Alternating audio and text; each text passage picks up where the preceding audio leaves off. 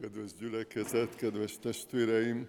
Olvassuk el Isten igéjét, a magvető példázatát Máté evangéliumából a 13. fejezetből, a harmadik verstől kezdjük, és majd egy kis szakaszt kihagyva majd később folytatjuk. Kérem, hogy fennállva hallgassuk meg Isten igéjét.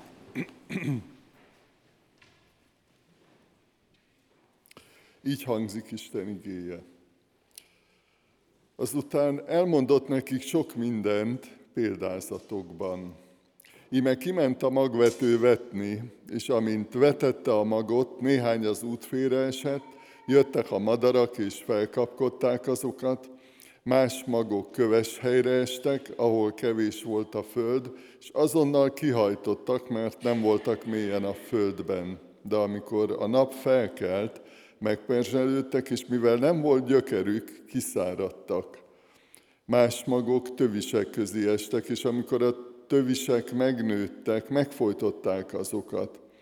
A többi viszont jó földbe esett, és termést hozott, az egyik száz annyit, a másik hatvan annyit, a harmadik harminc annyit. A tizen... Bocsánat. 18. verstől folytatjuk. Ti azért halljátok meg a magvető példázatát. Mindazokhoz, akik hallják a mennyek országának igéjét, és nem értik, eljön a gonosz, és elragadja azt, ami a szívükbe van vetve, ez az útfére esett mag. A köves talajra esett mag pedig az, aki hallja az igét, és azonnal örömmel fogadja, de valójában nincs gyökere, nem állhatatos, mihelyt nyomorúság vagy üldözés támad az ige miatt, azonnal elbukik.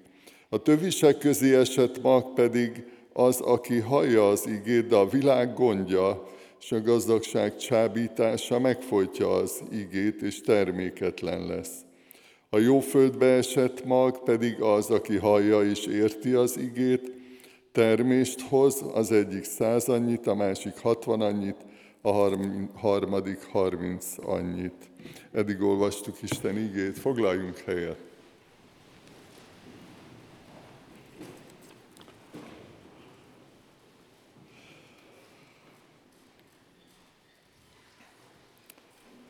Kedves gyülekezet, kedves vendégeink, és mindenkit szeretettel köszöntünk, aki bármilyen módon részt vesz ezen az Isten tiszteleten. Azt gondolom, hogy akik olvasták a Szentírást, tanulmányozták, egy, egy nagy ajándék nekünk ez a magvető példázata, ezt így éljük meg, hiszen nagyon sok fontos kérdésre választ kapunk benne. Én most kétfelé szeretném bontani ennek az üzenetét. Egyrészt a magvetés felelősségéről, vagy az ige hirdetés felelősségéről, vagy az ige hirdetés, vagy a bizonságtétel felelősségéről. Másrészt pedig arról, az lehet, hogy picit hosszabb lesz, hogy hogyan fogadjuk az igét, hogyan fogadjuk az Isten igéjét, hogyan gondolkodunk róla, mennyire van nyitva a szívünk előtte, hogyan jut el a szívünkig ott mi, mi történik, amikor Isten megszólít minket. Tehát először a magvetés felelősségéről. A tanítványokat is elsősorban azzal a feladattal küldte ki az Úr Jézus, hogy hirdessék az igét. Ő maga is így kezdte a szolgálatát, térjetek meg, mert közel van az Isten országa, és erre biztatta a tanítványait is, hogy mondják el Isten üzenetét, mondják el Isten szeretetéről szóló üzenetét, mondják el az evangéliumot, a bűnbocsánatról, a szabadításról szóló evangéliumot, hogy eljusson az emberekhez. Az Isten gondolatait, az Isten üzeneteit adják tovább. Ez volt a küldetésük, és ma nekünk is küldetésünk ez. Önmagában Isten szavának, Isten üzenetének olyan hatalma van, olyan bölcsessége van, hogy képes megváltoztatni egy ember életét, képes segíteni abban, hogy valaki bűnbánatra jusson. Isten igéje, Isten üzenete képes arra, hogy, hogy valamit lezárjon és valamit kinyisson az életünkbe. Hatalmas ajándék, hatalmas erőforrás. És néha nem is biztos, hogy ennek a tudatában vagyunk, keresztény emberek, hívő emberek, az Úr Jézus tanítványai.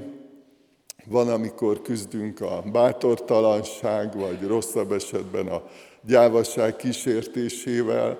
Aztán van, amikor azon gondolkodunk, hát most ez van-e értelme, meg néha eszünkbe jut, hogyha nagyon zűrös emberrel találkozunk, hogy az a Biblia íge eszünkbe jut, hogy ne szórjátok a gyöngyeiteket a, a disznók elé, hogy hát olyan érték az Isten igéje. De azt gondolom, hogy egyébként ez nem, nem erre a helyzetre vonatkozik, és erről szeretnék egy példát elmondani. Hát nem, nem mai történet, 30 évesnél is régebbi történet.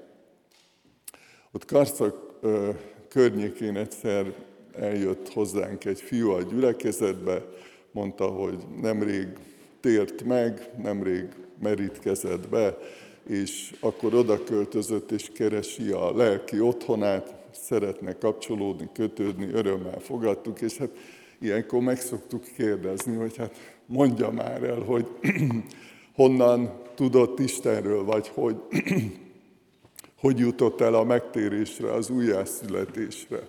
És egy nagyon megdöbbentő történetet mondott. Azt mondta, hogy egyszer volt egy buliban, és éjszaka ment haza vonattal.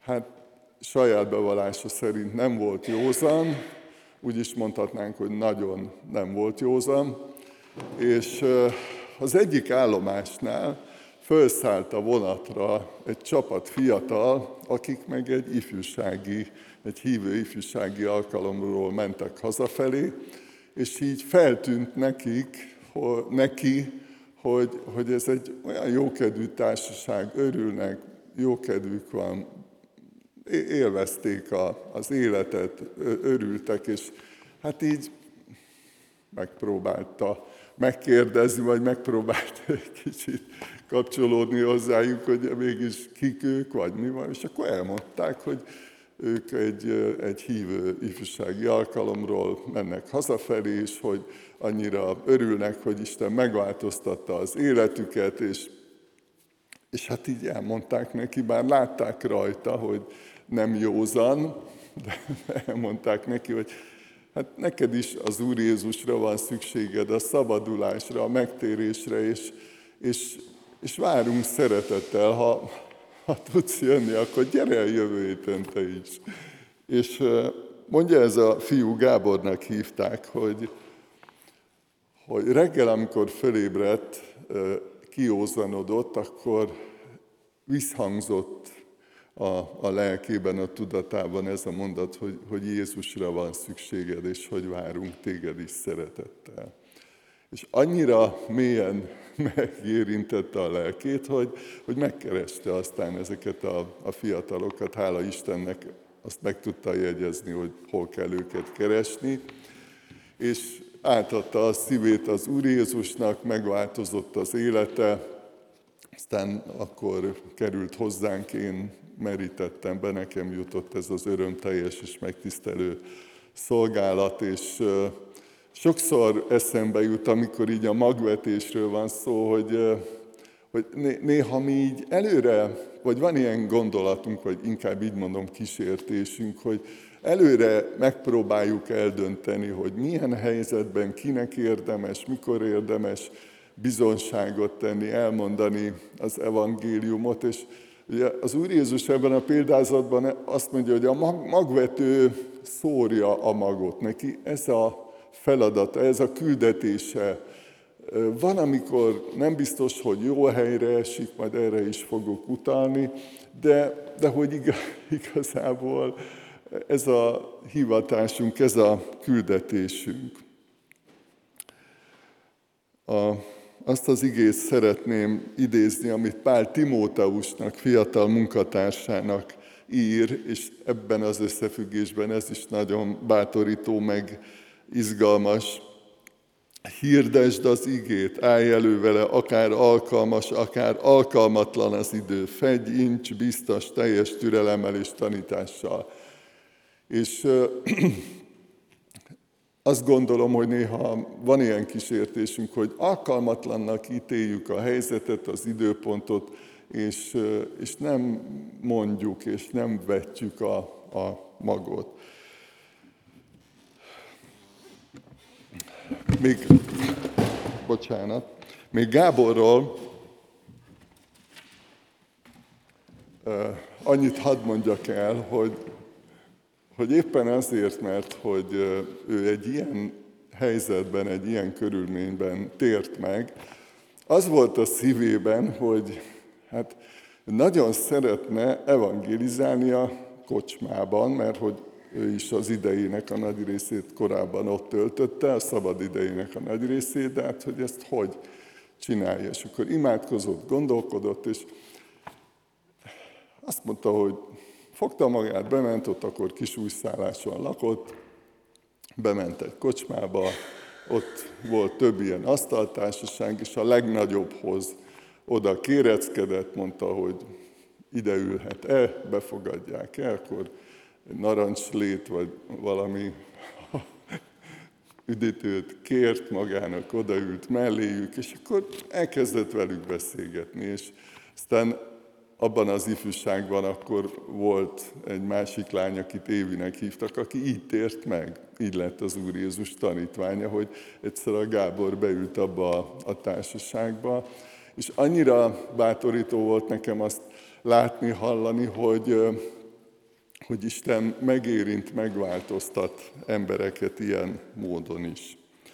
És még egy olyan bátorítást szeretnék ehhez hozzátenni, hogy néha az is nehéz nekünk, hogy nem mindig látjuk azonnal vagy gyorsan az eredményt. Úgy szeretnénk, nem, hogyha valaki eljönne hozzánk beszélgetni, beülünk a fotelba, elmondjuk neki az evangéliumot, hogy az Úr szereti, megbocsátotta a bűneit, és segítünk neki elmondani a megtérő imáját, vagy vezetjük ebben, és megtér, és halleluja, megyünk tovább. Olyan jó lesne, nem? Beszélgetünk valakivel, elmondjuk az evangéliumot, megtér, de nem mindig ilyen egyszerű. Nem mindig ilyen gyorsan történik. Van, amikor évekig, meg vagytok itt szülők, nagyszülők, évek óta, évtizedek óta imádkoztok valakiért, vagy éppen mi vagyunk olyanok, akikért évekig vagy évtizedekig imádkoztak. És uh, mikor ezen gondolkodtam, akkor a, a bátyám eszembe jutott, hogy Édesanyám 59 évig imádkozott érte, ő 2010-ben elhunyt, az édesanyám, és a, bátyám 10 évvel később tért meg 2020-ban.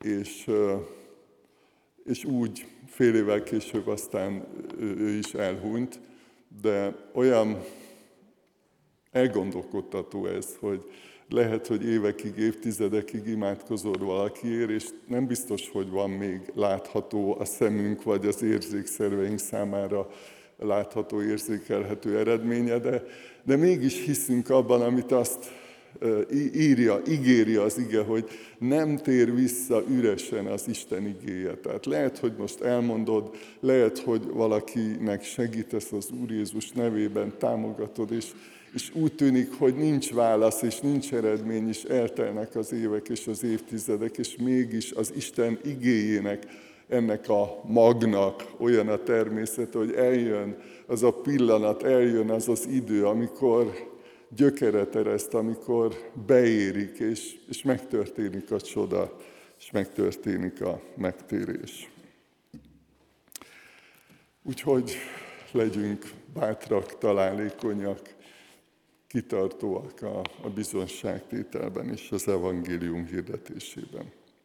A másik rész, amiről szeretnék néhány üzenetet átadni, a, az ige hallgatásnak a felelőssége. Nem mindig szeretjük ezt a szót, hogy felelősség, de a magvető példázata egyébként ezt erősíti, és erről szól, hogy felelősség találkozni Istennel, találkozni Isten üzenetével, hallani az evangéliumot, vagy olvasni, ha olvassuk a, a Bibliát. És az Úr Jézus egyszer beszélt a, a végső ítéletről, vagy a végső számadásról is, és azt a megdöbbentő, megrendítő mondatot mondta, hogy én nem azért jöttem, hogy elítéljem a világot, én nem, nem fogom elítélni a világot, hanem az az, az ige, amit hallottak, az fogja az ítélet alapját képezni.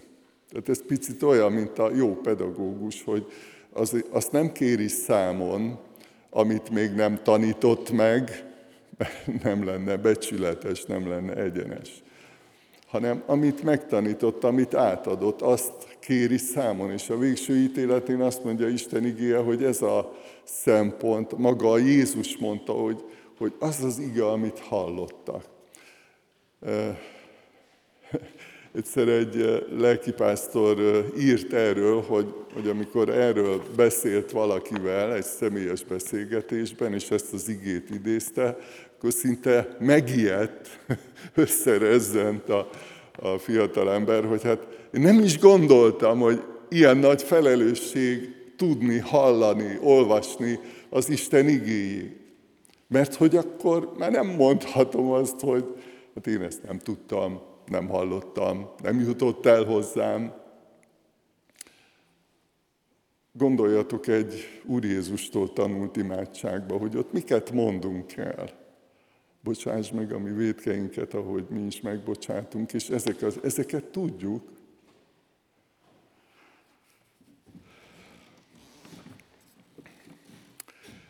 Ezt is egy történettel szeretném kezdeni. Nemrég elmondtam a az előjáró testvéreknek, hogy ez, egy, ez is egy kicsit régebbi sztori, nem 30 éves, lehet, hogy csak 20.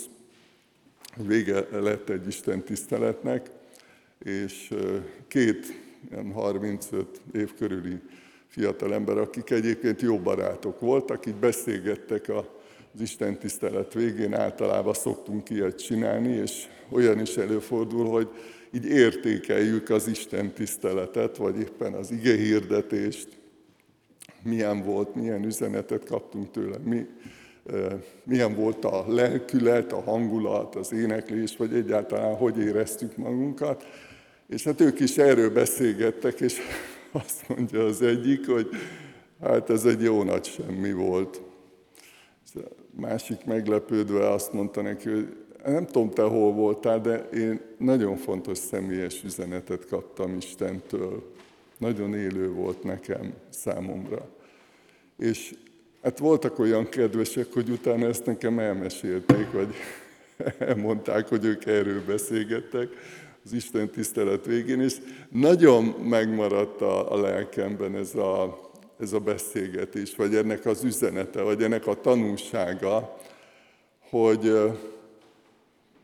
Hangzik az ige, hangzik az Isten üzenete, és van, aki azt mondja, hogy egyáltalán semmit nem jelentett, és a másik meg azt mondja, hogy személyes üzenet volt benne. És azon gondolkodtam, hogy most akkor Istennel van a baj, az igével van a baj, az ige hirdetővel van a baj, vagy vagy mi, mi lehet e mögött? És ugye, hogyha valaki elolvassa a magvetőkről szóló példázatot, akkor abból nagyon egyértelműen kiderül, hogy, hogy nagy felelősség hallani az igét. Nyitott szívvel hallani, és itt nagyon részletesen, világosan az Úr Jézus elmagyarázza, hogy milyen kísértéseink vannak. Én most nem annyira kísértés oldaláról, bár erről is lesz szó, hanem inkább a pozitív oldaláról szeretném megfogni, így biztatásként mondani, hogy először is figyelemmel hallgassunk. Egy ószövetségi példát szeretnék idézni. Ezt mondta Éli Sámuelnek. Menj, feküdj le, és ha újból szólít, ezt mond. Szólj, Uram, mert hallja a te szolgád. Sámuel elment, lefeküdt a helyére, az úr pedig eljött, megállt és szólította, mint az előtt. Sámuel, Sámuel. Sámuel pedig így felelt, szólj Uram, mert hallja a te szolgád. Végig hallotta az Isten üzenetet, csak egy darabig nem tudta beazonosítani, hogy, hogy ez honnan jön, vagy hogy kiszólítja őt. És amikor Éli a főpap eligazította, segítette őt ebben, akkor megértette, hogy Isten szól, és pedig hát aludt. Lehet, hogy mélyen aludt, nem tudjuk, de, de hogy megtörtént az a csoda, hogy meghallotta Isten hangját, mert érzékeny volt rá, figyelmes volt rá. Sok évtizeddel ezelőtt, akkor még félig gyerekek, félig már fiatalok voltunk, egyszer voltam egy olyan helyen, ahol újságot olvasott valaki a, az Isten tiszteletem, úgyhogy lehet, hogy nem jutott el hozzá az ige, bár nem tudom, hogy hány felé tud az ember egyszerre figyelni.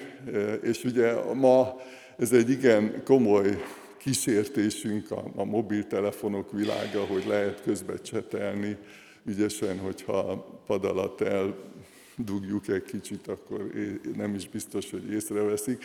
De úgy is jártam egyszer, hogy, hogy valaki mondta, hogy János, ne ijedj meg, ha látod a kezembe a telefont, és hogy gépelek, mert én az igehirdetést jegyzetelem. Tehát nem csetelek, nem, nem levelezek, hanem, hanem akkor, és akkor megnyugodtam, mert nyilván van, aki használja a jóra, ilyen értelemben megfelelően ezeket az eszközöket is, de azt gondolom, hogy, hogy nagy kihívás azon túl, hogy természetesen megszoktuk, hogy eljövünk, hogy részt veszünk, hogy jelen vagyunk az Isten tiszteleten, hogy figyeljünk Istenre, szólj Uram, hallja a te szolgát, hallani akarom a hangodat.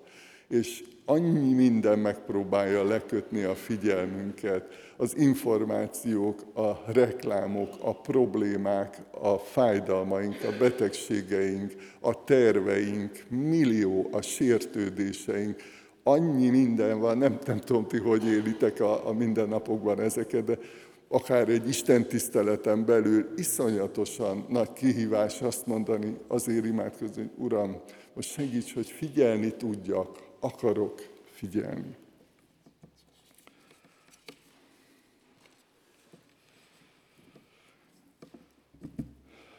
Még egy gondolat ehhez, hogy akik így rendszeresen olvasunk Bibliát, egy, egy óriási kihívás, hogy, hogy tudjunk figyelni. Én nagyon sokszor küzdök azzal, hogy azon hogy most hova kell menni, most mit kell elintézni, most mit kell csinálni, és hogy, hogy ez egy külön küzdelem, figyelni az Istenre, figyelni az Isten igére, hogy ne, ne kalandozzunk el, ne össze-vissza máshol járjon az eszünk. Második, a figyelem mellett. Megtartjuk szívünkben, életünkben, amit hallunk, és felfedezzük a személyes mondani valót, és gondolkodunk rajta, foglalkoztat minket.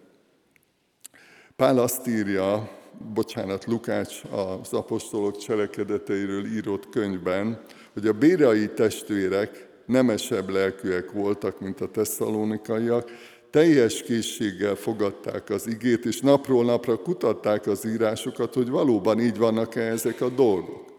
Tehát volt egy ilyen készség bennük, egy ilyen vágy, hogy ők szeretnék még jobban megismerni az Isten üzenetét, és azt mondja, napról napra, tehát ez volt nyilván, ők is dolgoztak, volt munkájuk, meg elfoglaltságuk, meg családjuk, de azt mondja, hogy ott volt a fókuszban, ott volt legelől az értékrendjükben, hogy ők meg akarják hallani, meg akarják érteni, gondolkodtak rajta is. Emlékeztek a karácsonyi történetben arra, amikor azt olvassuk az igében, hogy a pásztorok elmondták az üzenetet, Isten üzenetét Máriának és Józsefnek, és utána Máriáról azt olvassuk, hogy, hogy amikor a pásztorok elmentek, akkor forgatta a szívében azt, amit hallott. Tehát nem felejtette el, nem hanyagolta el, nem, nem került el a figyelmét, hanem azt mondja, hogy, hogy folyamatosan forgatta a szívében, Ugye ezt tanultuk már, hogy amikor a zsidó ember azt mondja, hogy a szívében, akkor ide mutat, tehát forgatta, fontos volt neki, hogy elmélyüljön benne, hogy megértse, hogy jól értse. Egyik tanárom mondta, hogy a fej mindig kéznél van. Tehát, hogy mindig tudunk gondolkodni, mindig tudunk imádkozni, akkor is, ha utazunk, akkor is, ha valami olyat csinálunk, ami megengedi, hogy, hogy gondolkodjunk, vagy, vagy ne oda koncentráljunk a, a munkánkra, vagy a, amire másra. Valóságos veszély, az egyszerűség kedvéért így mondom, a vasárnapi kereszténység, amikor van egy istentisztelet, van egy ünnepi alkalom, és akkor igazából utána nincs hatása, nincs nyoma a gondolatainkban, az érzéseinkben, a mérlegeléseinkben. Nekem egyszer volt, körülbelül 20 éves voltam, amikor volt egy ilyen pillanat, amikor Isten erre figyelmeztetett, hogy, hogy ne, ne vasárnapi keresztény legyek. Én nagyon szerettem gyülekezetbe járni, nagyon szerettem gitározni, zongorázni, énekelni, karvezetni, sok mindent nagyon szerettem, így élveztem az Isten tiszteletet, a szolgálatot, a közösséget, de, de a hétköznapjaimból így kiszorult az Isten üzenete, vagy éppen az imádság, vagy éppen az, hogy egyszerűen vele legyek gondolatban, szívemben is, és, és Isten akkor erre figyelmeztetett. Fontos kérdés itt az időbeosztás, erről hallottunk Ger- Gergőtől is, hogy, hogy mire adjuk, mire szánjuk az időnket, és hogy azon belül hogy disztingválunk, hogy teszünk különbséget, mi az, amit befogadunk, mi az, amit átveszünk. Isten ajándéka a felülről való bölcsesség, mert nagyon sok érzésünk van, nagyon sok indulat, jó is, rossz is lehet bennünk, de de Isten a megtéréssel, az újjászületéssel, amikor betöltötte az ő lelkével, akkor megtisztította az értelmünket is, megszentelte az értelmünket, áthangolta, hogy amit így fogalmaz Pálapostól, hogy bennünk a Krisztus gondolatai vannak. És ezzel a bölcsességgel gondolkodunk azon, amit Isten adott. A harmadik bátorítás pedig ezzel kapcsolatban az, hogy hogy nem, nem csak figyelünk Isten igényére, nem csak gondolkodunk róla, nem csak ö, ö, végig kíséri, vagy benne van a mindennapjainkban, a hétköznapjainkban, hanem azt mondja, hogy azt akarjuk csinálni, azt akarjuk cselekedni, amit Isten mond. És az előbb már utaltam az Úr Jézustól tanult imádságra, hogy ha azt olvasom, például, bocsássatok meg egymásnak, és én komolyan veszem azt, amire figyeltem, és amit Isten rám bízott, akkor ez nem egy lehetőség. Ha azt mondom, hogy Isten az Uram, és én az ige szerint akarok élni, akkor ezt magamra nézve, magunkra nézve kötelezőnek tartjuk. Azt, ez nem egy opció, hogy hát ha van kedved, meg ha éppen jobb lábbal keltél fel, akkor nyugodtan bocsáss meg. De azt mondja Isten igéje, hogy bocsássatok meg egymásnak, ahogyan Isten is megbocsátott nektek a Krisztusért. Jakab leveléből ismeritek ezt a bátorítást, tanítást, hogy az igének cselekvői legyetek, ne csupán hallgatói, hogy be ne csapjátok magatokat, mert hogy becsapjuk magunkat, hogyha ha nem tesszük meg azt, amire Isten tanított. Amikor Isten tanít arra, hogy szolgálj, segíts valakinek, indít, az igéből megérted, hogy, hogy mi az, vagy ki az, akit rád bízott, és elindulsz. Tudom, hogy, hogy nagyon sok ilyen élményetek, tapasztalatotok volt, és ez mekkora ajándék, mekkora áldás, amikor Isten megszólít, megérted, és engedelmeskedsz. Hát így született a kereszténység, hogy az Úr Jézus megtanította a tanítványoknak, hogy, hogy várják meg az Atya ígéretét, és, és amikor eljön a Szentlélek által, akkor hirdessék az evangéliumot, és milyen eredménye lett, milyen csodálatos következménye lett, mert megtették, mert engedelmesek voltak.